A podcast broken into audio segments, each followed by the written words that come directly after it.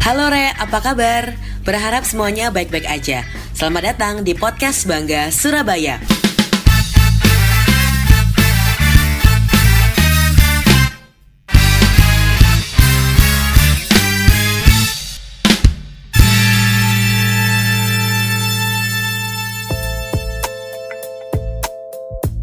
Jajaran pemerintah kota Surabaya terus berusaha maksimal untuk mencegah penyebaran COVID-19 di kota Surabaya.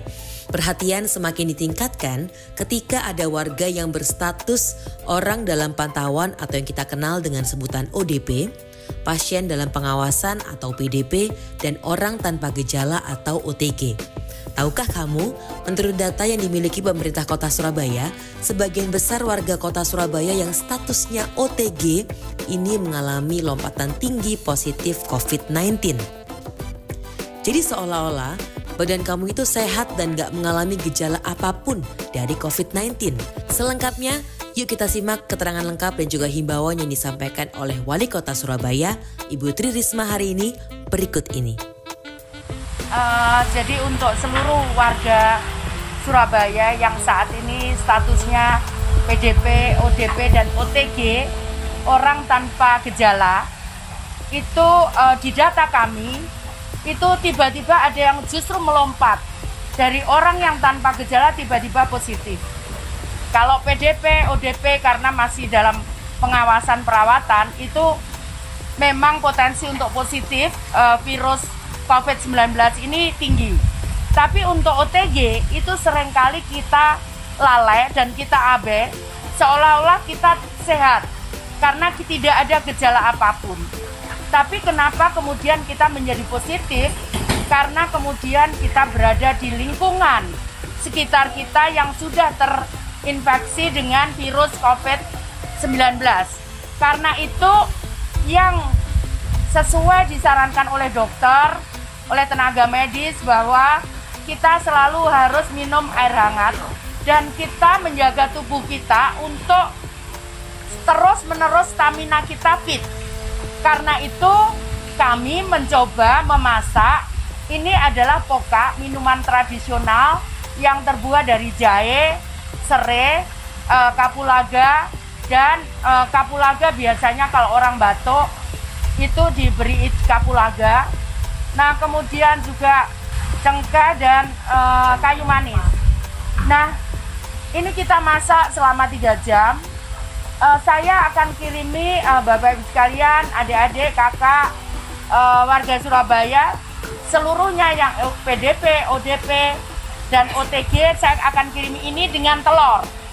Kenapa telur? Menurut para ahli tenaga medis, putih telur akan membantu untuk menjaga stamina tubuh kita. Karena itu saya berharap Bapak Ibu sekalian supaya tidak menjadi positif virus COVID-19 maka saya berharap Bapak Ibu sekalian meminum jamu enak ini rasanya. Manis ada manisnya. Uh, kemudian uh, panas karena jahe. Nah kemudian telur. Kalau Bapak Ibu sekalian kolesterol kuningnya nggak usah dimakan putihnya saja tapi yang utama adalah Bapak Ibu sekalian tidak boleh bersentuhan satu dengan lain yang sudah terkonfirm bahwa itu positif. Tidak boleh sama sekali. Selalu menggunakan masker ke, e, di rumah karena Bapak Ibu sekalian termasuk PDP, ODP dan OTG, maka selalu harus menggunakan masker. E, jaga kebersihan terus menerus e, tangan, seluruh muka dan e, pakaian dan sebagainya dan tidak boleh menggunakan fasilitas bersama-sama harus terpisah harus terpisah bahkan gak cuma sampai situ aja Bu Risma juga menyampaikan pesan untuk kita semua yang merasa dalam kondisi sakit dan diharapkan untuk mau berobat ke rumah sakit. Daripada penasaran, kita simak pesan Bu Risma berikut ini. Untuk wargaku yang uh, yang saya cintai, yang saat ini kondisi sakit virus COVID-19. Kami mempunyai datanya. Saya berharap Bapak Ibu sekalian, adik, kakak, om, tante mau berobat ke rumah sakit. Pemerintah kota sudah berkomunikasi dengan rumah sakit-rumah sakit untuk men menerima Bapak Ibu sekalian. Kenapa Bapak Ibu sekalian harus dirawat di rumah sakit? Karena kalau Bapak Ibu sekalian tidak dirawat di rumah sakit, kemudian eh, saudara kita yang di rumah itu sembuh, Bapak Ibu sekalian sakit, maka itu akan menular menular ke saudara-saudara kita yang sebetulnya dia sehat. Tapi karena dia tertular harus merawat, harus kemudian berada di dalam satu rumah, maka kemudian ikut sakit. Dan Bapak Ibu sekalian, yakinlah sebetulnya banyak sekali pasien yang sembuh.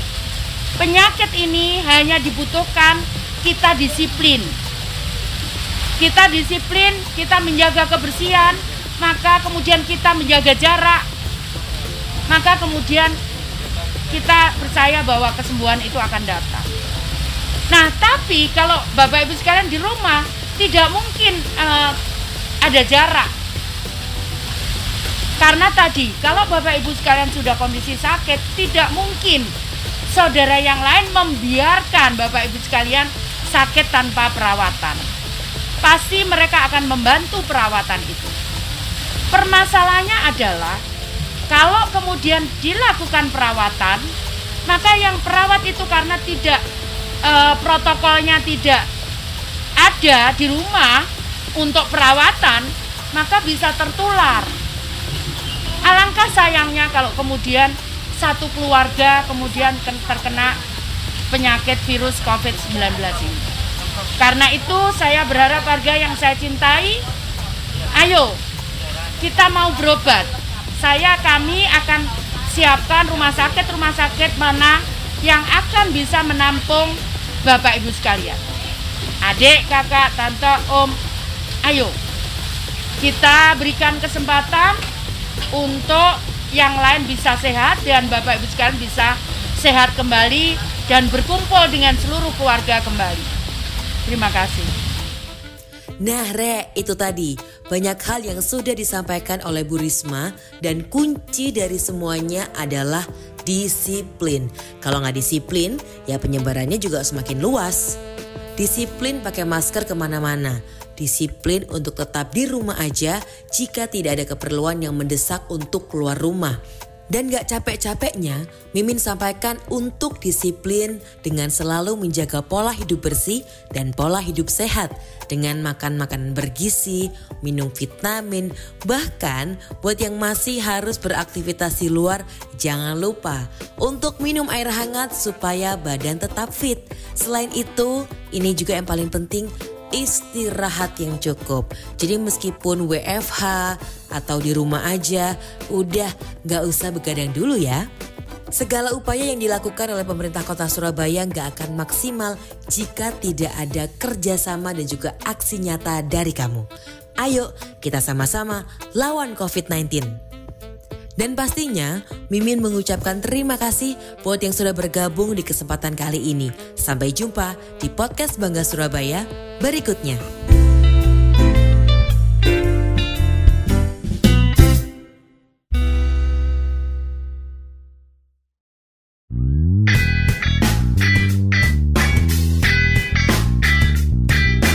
Halo Re, apa kabar? Berharap semuanya baik-baik aja. Selamat datang di podcast Bangga Surabaya.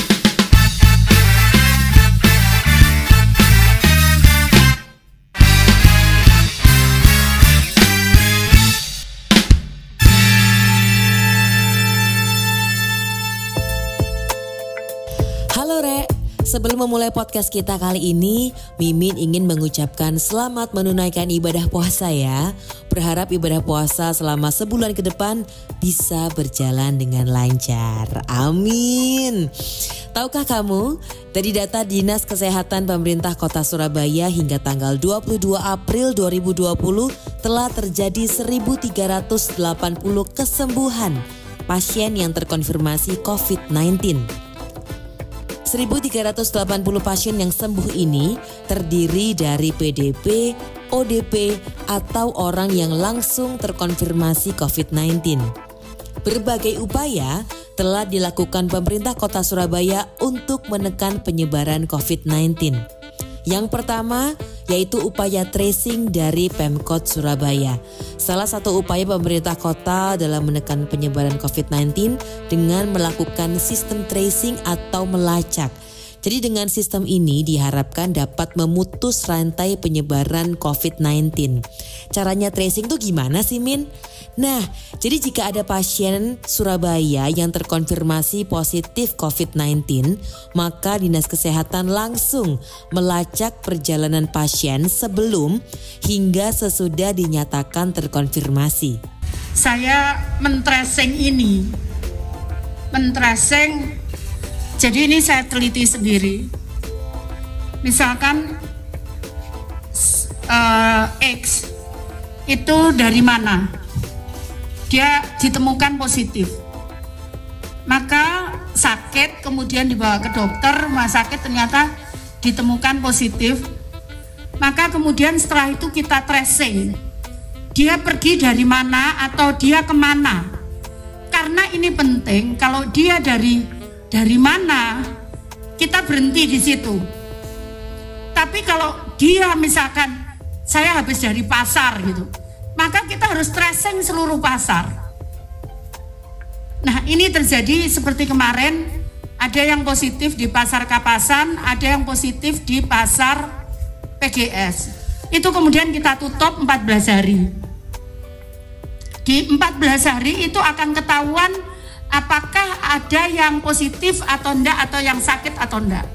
Tapi semua itu yang ada di pasar itu itu semua ODP. Penambahan angka positif pasien ini sebenarnya bukan dari klaster baru, melainkan peningkatan status dari penambahan angka pasien orang dalam pantauan atau ODP pasien dengan pengawasan atau PDP dan orang tanpa gejala atau OTG. Misalnya nih, tanggal 18 April kemarin jumlah pasien yang mengalami peningkatan status yakni ODP mengalami peningkatan status menjadi konfirmasi sebanyak empat orang. Kemudian pasien PDP yang mengalami peningkatan status terkonfirmasi sebanyak 200 pasien dan terakhir 60 orang pasien OTG ini mengalami perubahan status terkonfirmasi. Tidak ada sejauh ini keluar dari klaster itu. Klaster yang kita tracing ini. Jadi itu yang uh, apa namanya terjadi selama ini karena apa sekali lagi saya harus benar-benar tracing ini. Pasti banyak banget yang bertanya-tanya, emang siapa sih Min yang melakukan pemantauan atau tracing? Nah, pemantauan itu dilakukan oleh puskesmas yang ada di kota Surabaya.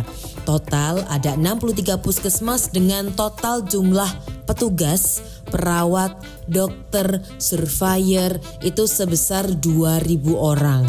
Jadi pemantauan itu dilakukan dengan berupa memeriksa kondisi kesehatan mereka selama kurang lebih 14 hari. Dicatat suhu tubuh mereka, kemudian apakah mereka itu ada keluhan batuk, pilek, demam, sesak nafas, itu akan diperiksa selama 14 hari. Kita punya 63 puskesmas, okay. artinya uh, ada petugas surveillance-nya 63 orang, kemudian itulah yang melakukan pemantauan. Hmm. Setiap hari berarti? Seti ya, sesuai dengan masa yang, yang inkubasi itu 14 hari. Kira-kira pemantauan itu boleh digambarkan sedikit nggak sih Bu? Pemantauan itu yang dilakukan seperti apa? Pemantauan yang dilakukan uh, memeriksa kondisi kesehatan dari mereka. Hmm. Selama 14 hari yang dicatat adalah suhu, apakah ada keluhan batuk, apakah ada keluhan pilek, hmm. apakah ada keluhan demam, atau sesak. Sesak. Oh, oh okay. Selain dipantau yang menarik setiap hari, ODP, PDP, ataupun OTG itu selalu diberi permakanan tiga kali sehari bahkan. Untuk menjaga imunitas tubuh mereka pun di setiap hari di rumah masing-masing selalu dikirimkan vitamin, minuman tradisional pokak dan juga telur. Pemerintah Kota Surabaya juga memenuhi kebutuhan sehari-hari mereka seperti sisir, peralatan mandi, kemudian perlengkapan makanan di mana hal ini dilakukan agar tidak bercampur dengan anggota keluarga yang lain. Jadi tetap puskesmas itu harus memberikan obat, kemudian kita memberikan permakanan. Jadi kita awasi setelah dia kita nyatakan di rumah itu ada yang positif, maka kita kerjasama dengan RT, RW, kemudian Babinsa, Babim Kamtipmas, kemudian Lurah, Camat untuk pengawasan itu. Makanannya kita kirim. Jadi kita memberikan makan tiga kali sehari, itu yang dicantolkan di pagar, nanti ada contoh-contoh fotonya. Kemudian kita berikan apa pokak sama telur setiap hari. Kemudian kita berikan vitamin. Kita berikan vitamin-vitamin rutin dari puskesmas. Bahkan di setiap paket minuman tradisional pokak dan juga telur, Bu Risma selalu rutin memberikan surat di mana surat ini isinya adalah semangat dan juga dukungan untuk seluruh pasien. Yang terpenting juga dukungan dari orang sekitar, kemudian keluarga, dan yang pasti pikiran yang positif ini merupakan salah satu hal yang penting juga untuk meningkatkan imunitas dalam tubuh sehingga proses penyembuhan COVID-19 semakin maksimal. Untuk itu, karena sudah memasuki bulan Ramadan, tetap jaga kesehatan yore. Jangan lupa konsumsi vitamin dan istirahat yang cukup. Pastinya Mimin juga mau mengucapkan terima kasih banyak buat yang sudah bergabung di podcast kali ini. Sampai jumpa di podcast Bangga Surabaya berikutnya.